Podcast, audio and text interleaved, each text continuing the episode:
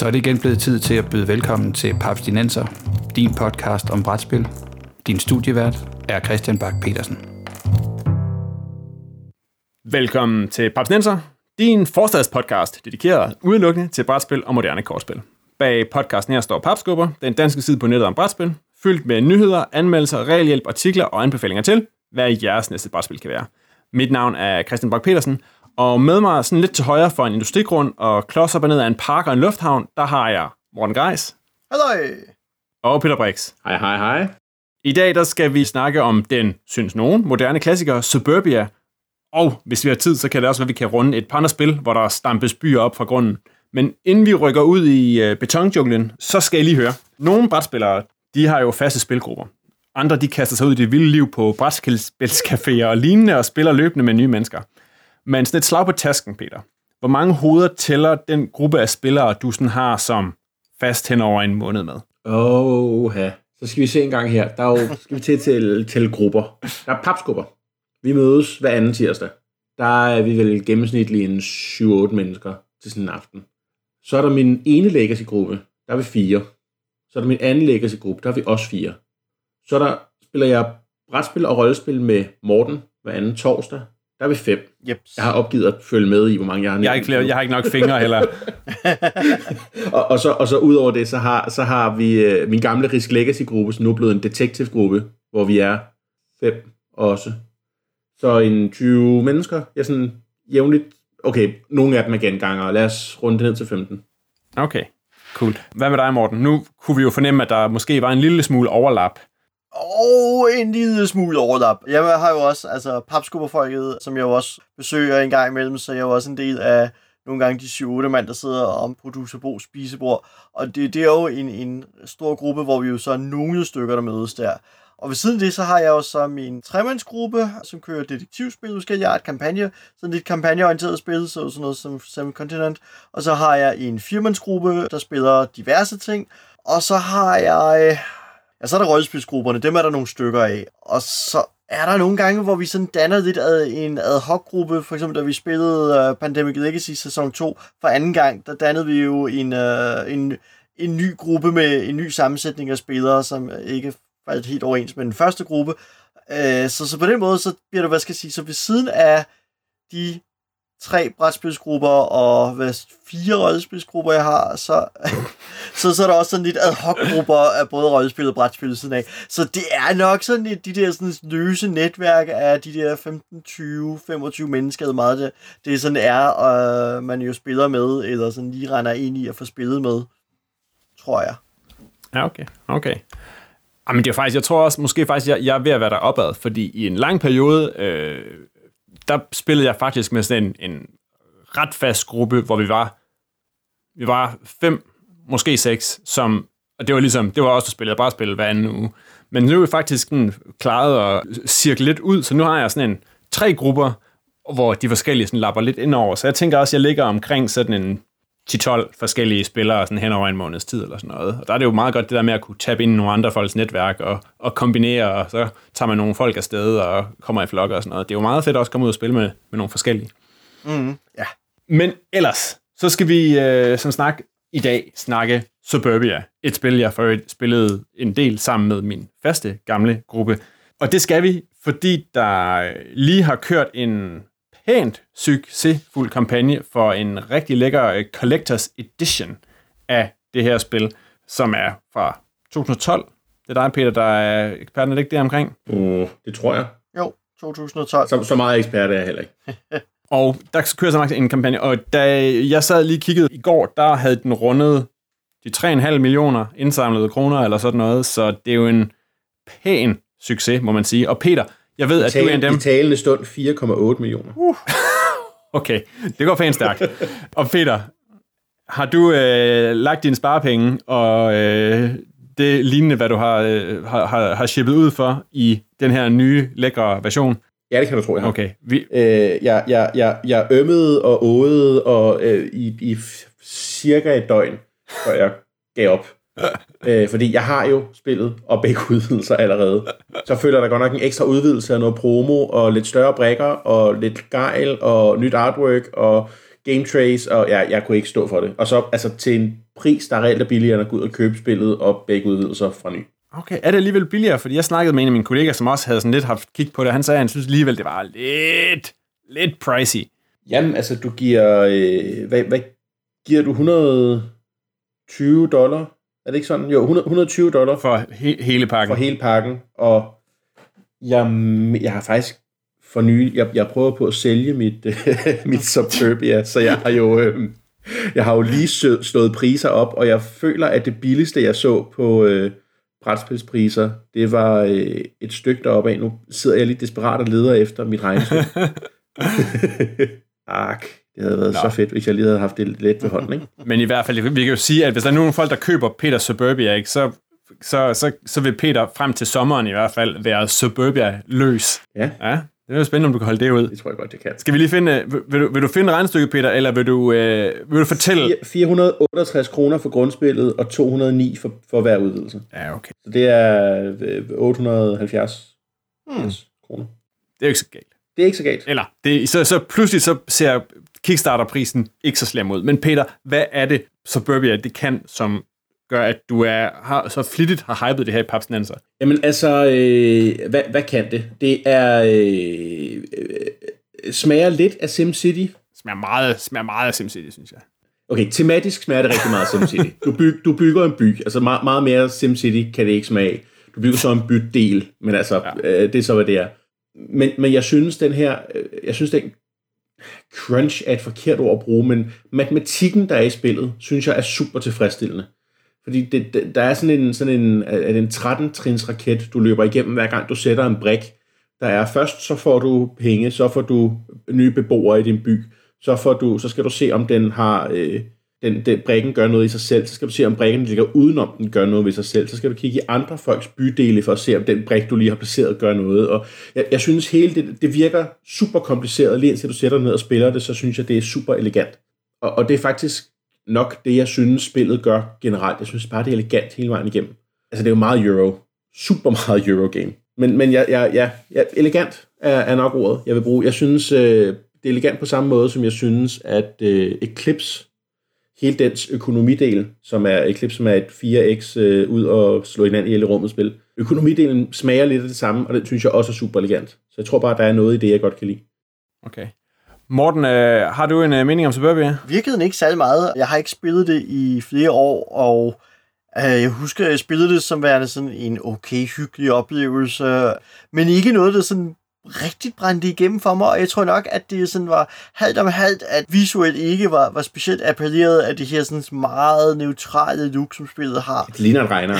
ja, lige præcis. Og, og det, det, det fængede mig ikke. Og på det tidspunkt var jeg, hvad skal jeg sige, og er egentlig også stadigvæk ret glad for Castle Burgundy et eller andet sted, så havde de begge de der spil med, at nu placerer vi tiles ned og bygger en, et, et, et slags spilleplade op af at lægge brækker op. Et eller andet sted gjorde, dækkede ligesom mit behov på det område. Der er selvfølgelig nogle markante forskelle mellem de to spil, måden man skaffer brækkerne på, hvordan de spillede sammen internt, etc., etc. Men for mig var det begge to sådan lidt tile placement-agtigt med at få ting til at hænge sammen. Og så da Castles of Mad King Ludwig kom, jamen så erstattede den et eller andet sted helt min suburbia kløe, fordi jeg synes, det der med at bygge de der skæve gange og rum og passager, havde et eller andet sted et sjovere narrativ for mig, end suburbia havde. Så, så derfor så har jeg aldrig rigtig haft skænket suburbia en stor tanke. Det er sjovt ikke, fordi jeg har, det- altså, jeg har det præcis på samme måde. altså, vi kan sige, at Castle Mackin Ludwig, ikke, det, er jo, det er jo samme designer, ikke? Mm. Og jeg synes også, Og, det og langt, langt hen ad vejen samme Ja. præcis Bare en opdateret udgave. bare sjovere, øh, mere spraglet. Den har, altså King Ludwig har hele den her, det er jo næsten, det tror jeg, jeg, jeg har flere issues med Suburbia, udover at det er grimt og kedeligt. Men så synes jeg også, at den har den her, hvad hedder det, auktionsmekanik, som i begge spillene har, ikke? Men hvor den ene, der er det jo, der er den spillerstyret. Altså, der er det der med, at, at i Castle of Mad King Ludwig, ikke, der ligger man, der trækker man nogle brækker, som skal på auktion, men det er en spiller, the master builder, der ligesom lægger dem ud og bestemmer, hvor dyre de skal være, og kan rokere rundt på dem, og så kan han kigge lidt over på de andre. Det savnede jeg fuldstændig i Suburbia, hvor der bliver brækkerne sådan kommer op i en tilfældig rækkefølge, så min fornemmelse var, at i modsætning til Ludwig, så er der ikke noget interaktion, og man kan nemmere være heldig, at når nu trækker jeg hop, hop, hop, jeg er den, der må købe først, og jeg kan nu se, at der ligger lufthavnen, som jeg skal bruge. At der, der manglede jeg virkelig det der irriterende take that element, hvor der, man, hvor der er noget spillerindflydelse på den. Men det sjove er, at jeg ved jo også, at Bruce Bo, han er jo i, han er jo i Camp Suburbia. Han hader det der råd og kaos, følger med Kaos og Mac Ludwig. Det tror jeg også lige så meget grafikken. Han tror, han synes, det er grimt. Castles Magic virker heller ikke så pænt, som det godt kunne have været. Det kunne også være meget pænere. Men, men... Har du set den polske udgave nogle gange? Nej, desværre. Det, øh, jeg kunne godt... Den, den, den polske udgave er øh, helt utrolig smuk. Sejt. Det, det, det, øh, ja, øh, dig, der sidder derhjemme lige nu, uh, Google uh, Castles of Mad King Ludwig Polish Edition, og se de, de, de rigtig pæne brækker, der er i det.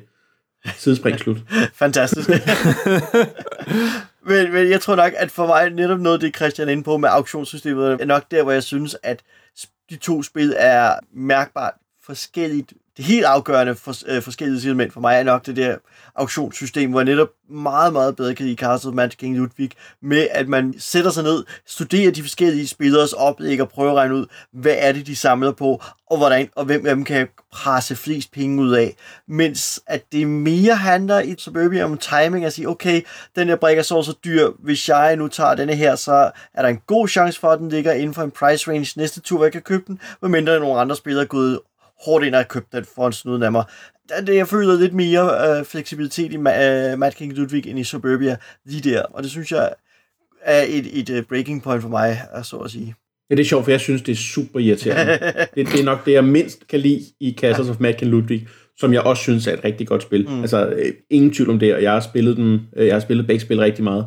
Men jeg synes faktisk, jeg synes helt den der, jeg synes, der bliver brugt rigtig meget tid på den del af det, hvor vi sidder, og så sidder jeg og kigger over på Christian, og så skal jeg lige overskue hele hans slot, mm. og så skal jeg lige overskue hele Mortens slot, og så skal jeg lige overskue hele mit eget slot, og så lige finde ud af, hvad og hvornår, og ej, jeg synes, det tager for lang tid.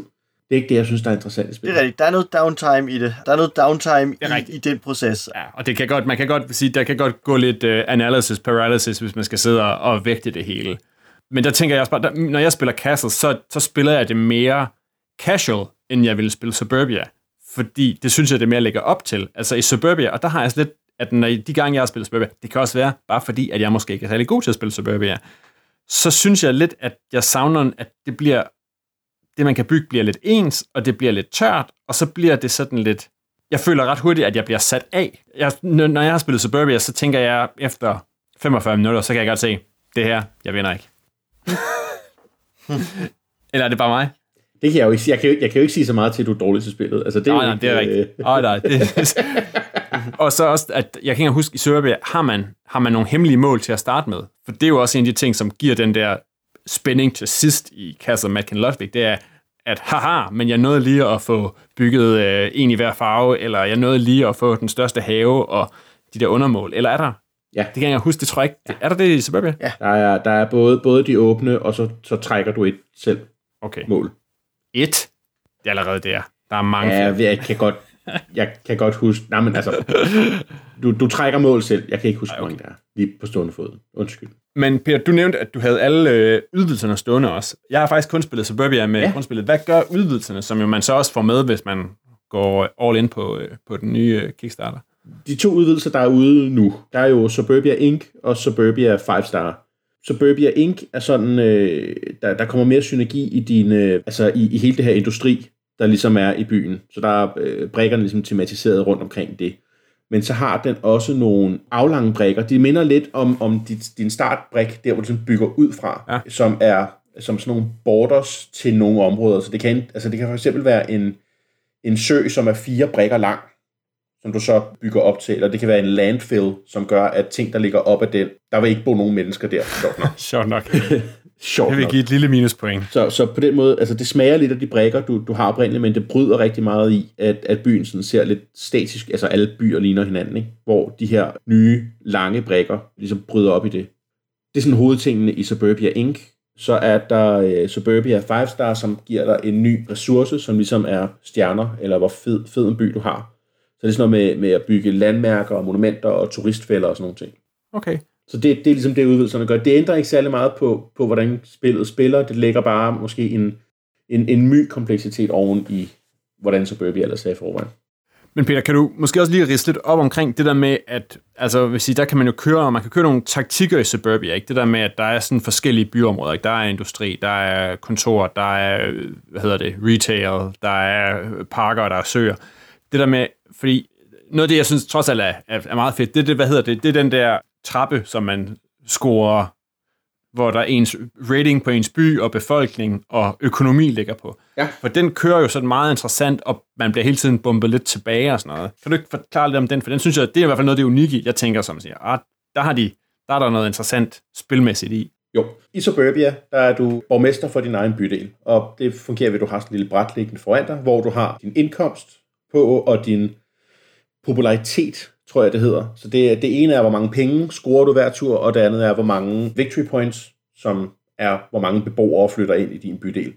Og hver gang du lægger et bygningsområde, altså en tile, så ændrer den ligesom på din indtægt eller på din popularitet. Og det er jo så selvfølgelig sådan, så at hvis du bygger rigtig meget industri, så har folk her meget ikke lyst til at bo der, hvor du er, men de vil rigtig gerne, du tjener rigtig mange penge.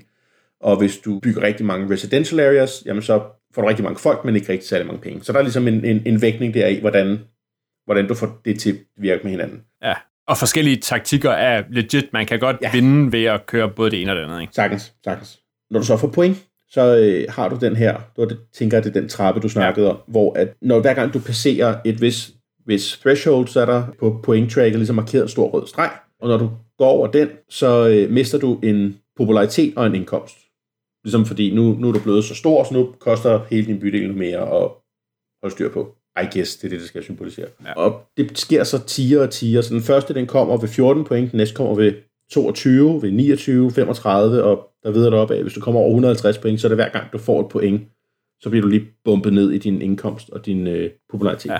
Og det giver jo sådan en art catch-up i hvert fald, ikke? At hvis man virkelig høvler dig ud af, ikke, så stiger man i hvert fald markant langsommere, når man kommer op foran, ikke? Ja, lige præcis. Altså, og der er jo der er også nogle taktikker allerede der. Vil du gå hårdt efter at få mange point fra en start, eller vil du gå hårdt efter at tjene rigtig mange penge, før du begynder at få indbyggere til din bydel, som der så begynder at bumpe dig ned. Ja. Og tilsvarende, så kan du også gå hen og få minus. Altså du kan jo gå hen og, og, og ikke, ikke have råd, så går du den anden vej. Så hvis du går over den røde streg igen, så får du så din indtjening og din øh, popularitet tilbage. Ikke?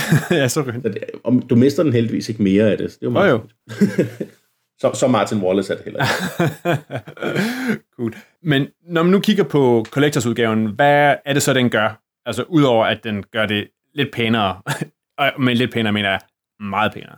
Der kommer rent faktisk grafik i spillet nu, og ikke, og ikke bare Excel. Ja. Men, men det den, det, den ellers gør, det er, at den samler det hele i en stor, pæn kasse. Det kan jeg jo godt lide. Jeg har i forvejen smidt alle udvidelser ud. Altså udvidelseskasser ud. Ja. Meget vigtig forskel. så kommer den med en ny udvidelse, der ikke har været før, der hedder Nightlife. Så, så du, skal, du skal få en masse, en masse liv i din by om natten, så der er sådan noget med natklubber og sådan nogle ting. Men til gengæld så er det også, så vidt jeg kan læse mig frem til sådan noget med, så kommer der så også mere crime i din by. Så har folk ikke lyst til at bo der. Så det lyder meget sjovt, synes jeg. Noget af det mest åndssvagt gejlede, en playermarker, som er en LED-lampe, som der står og lyser. Nå, men jeg, jeg tænker, er den, er den, er den simpelthen bare en playermarker? Er der ikke sådan et startbrik over den også, ikke? Fordi den har samme form som, som de der øh, sekskantede tiles, eller de femkantede? Jo, det, det, det får at markere, hvem der er, der er startspiller. I, I spillet i dag er det sådan en, en blå træklods, der skal forestille højhus. Nu er det sådan en hexagonel plastikklods, som kan lyse. Wow. Øh, det, det er nok den del, jeg er betydeligt mest ligeglad med. Ja, ja. Indtil den kommer, Peter, så sidder du med ved bordet, og så, kan du, så siger du, hvordan har jeg nogensinde spillet Suburbia Indtil uden... den kommer, og jeg skal sidde og tage fine billeder. Min lysende ja. hexagon. Så der er alle de der ting, der nu skal være i en, i en deluxe Kickstarter. Der er metalmønter, og der er øh, woodmarkers, og så en ting, jeg synes, der er helt vildt sjovt, at du kan selv vælge dine spillerfarver.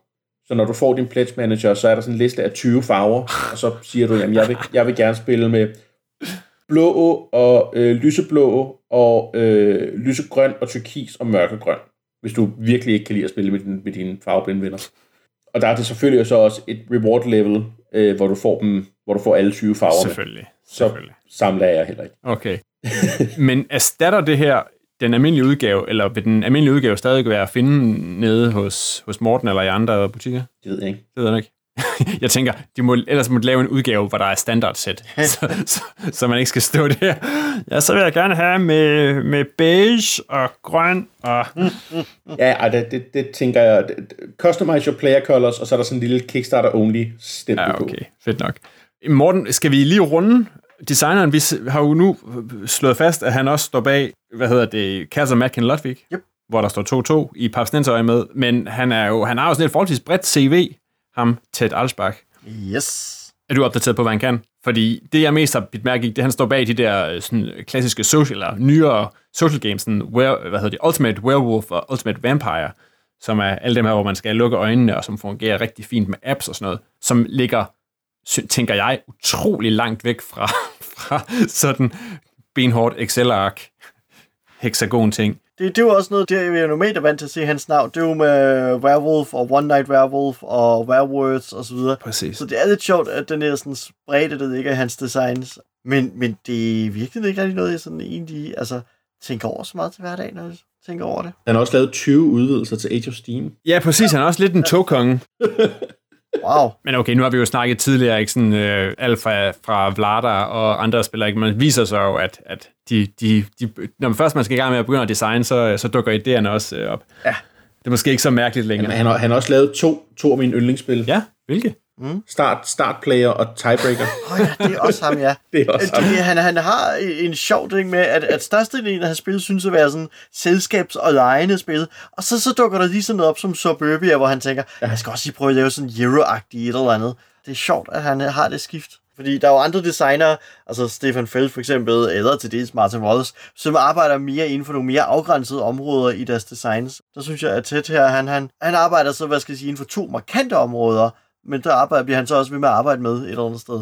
Skal vi lige øh, her med i slutningen nævne, om der er nogle er der andre fede bybyggerspil, som, øh, som kan lidt det samme, og som er mere eller mindre øh, SimCity-agtige? Fordi altså, jeg har jo tidligere, faktisk øh, i slutningen af 18, der råbte jeg jo op om det spil, der hedder Warsaw City of Ruins, eller Capital, kunne det også hedde, og som også har lidt af det samme, men hvor man jo bygger på et begrænset grid, og så hen over nogle perioder, og så er det, så er det jo, hvad hedder det, Warszawa, man skal bygge op, og vi har snakket lidt om det, Morten, det der med, at, at tilesene er forskellige i takt med, at man kommer igennem øh, tidsperioder.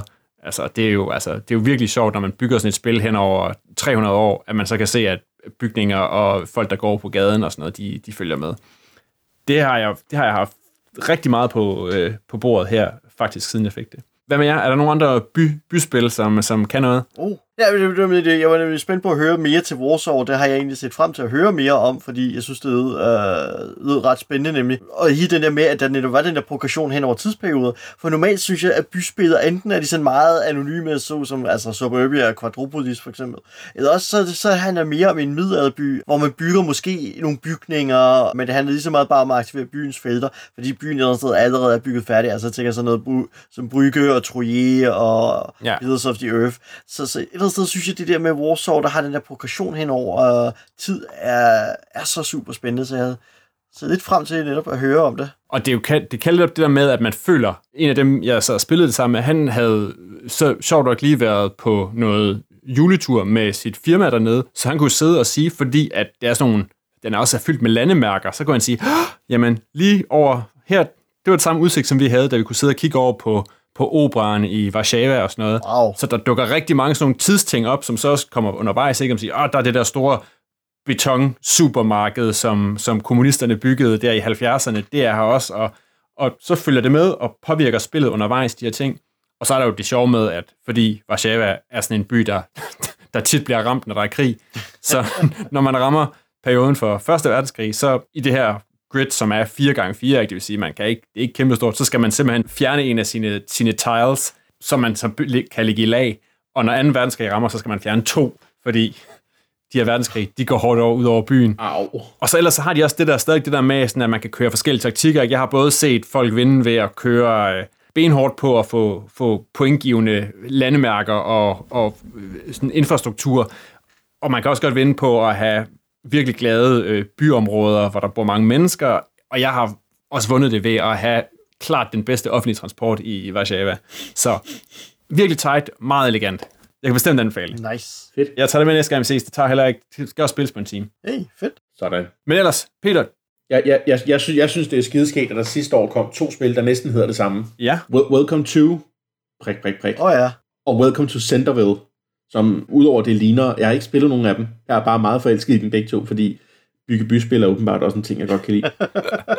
men, men, men altså, virkelig ikke ligner hinanden overhovedet. Nå, i, i, i, i, i, i stil og mekanik og noget som helst. Ja, men det, det ene, altså Wel- Wel- Welcome to Centerville er sådan et GMT, så vidt jeg husker det. Øh, terningespil, hvor du, hvor du sidder og sætter kuber ind på den her by, du er i gang med at bygge. Og Welcome to prik, prik, prik ligner mere sådan et, jeg skulle næsten til at sige roll and write, men, men spil kort and write spil. Det er spøjst. Du havde spillet det, ikke Morten? Welcome to. Ja. Nej, det har jeg ikke. Desværre. Nej, okay. Så må vi vende tilbage en dag, når vi har spillet nogle af dem. Ja. I stedet for bare at sidde, sidde og grine af, de hedder Ja, men ellers må nogle af vores lytter derude, hvis der er nogen af jer, der har spillet nogle af de her to spil, så øh, fyr ind.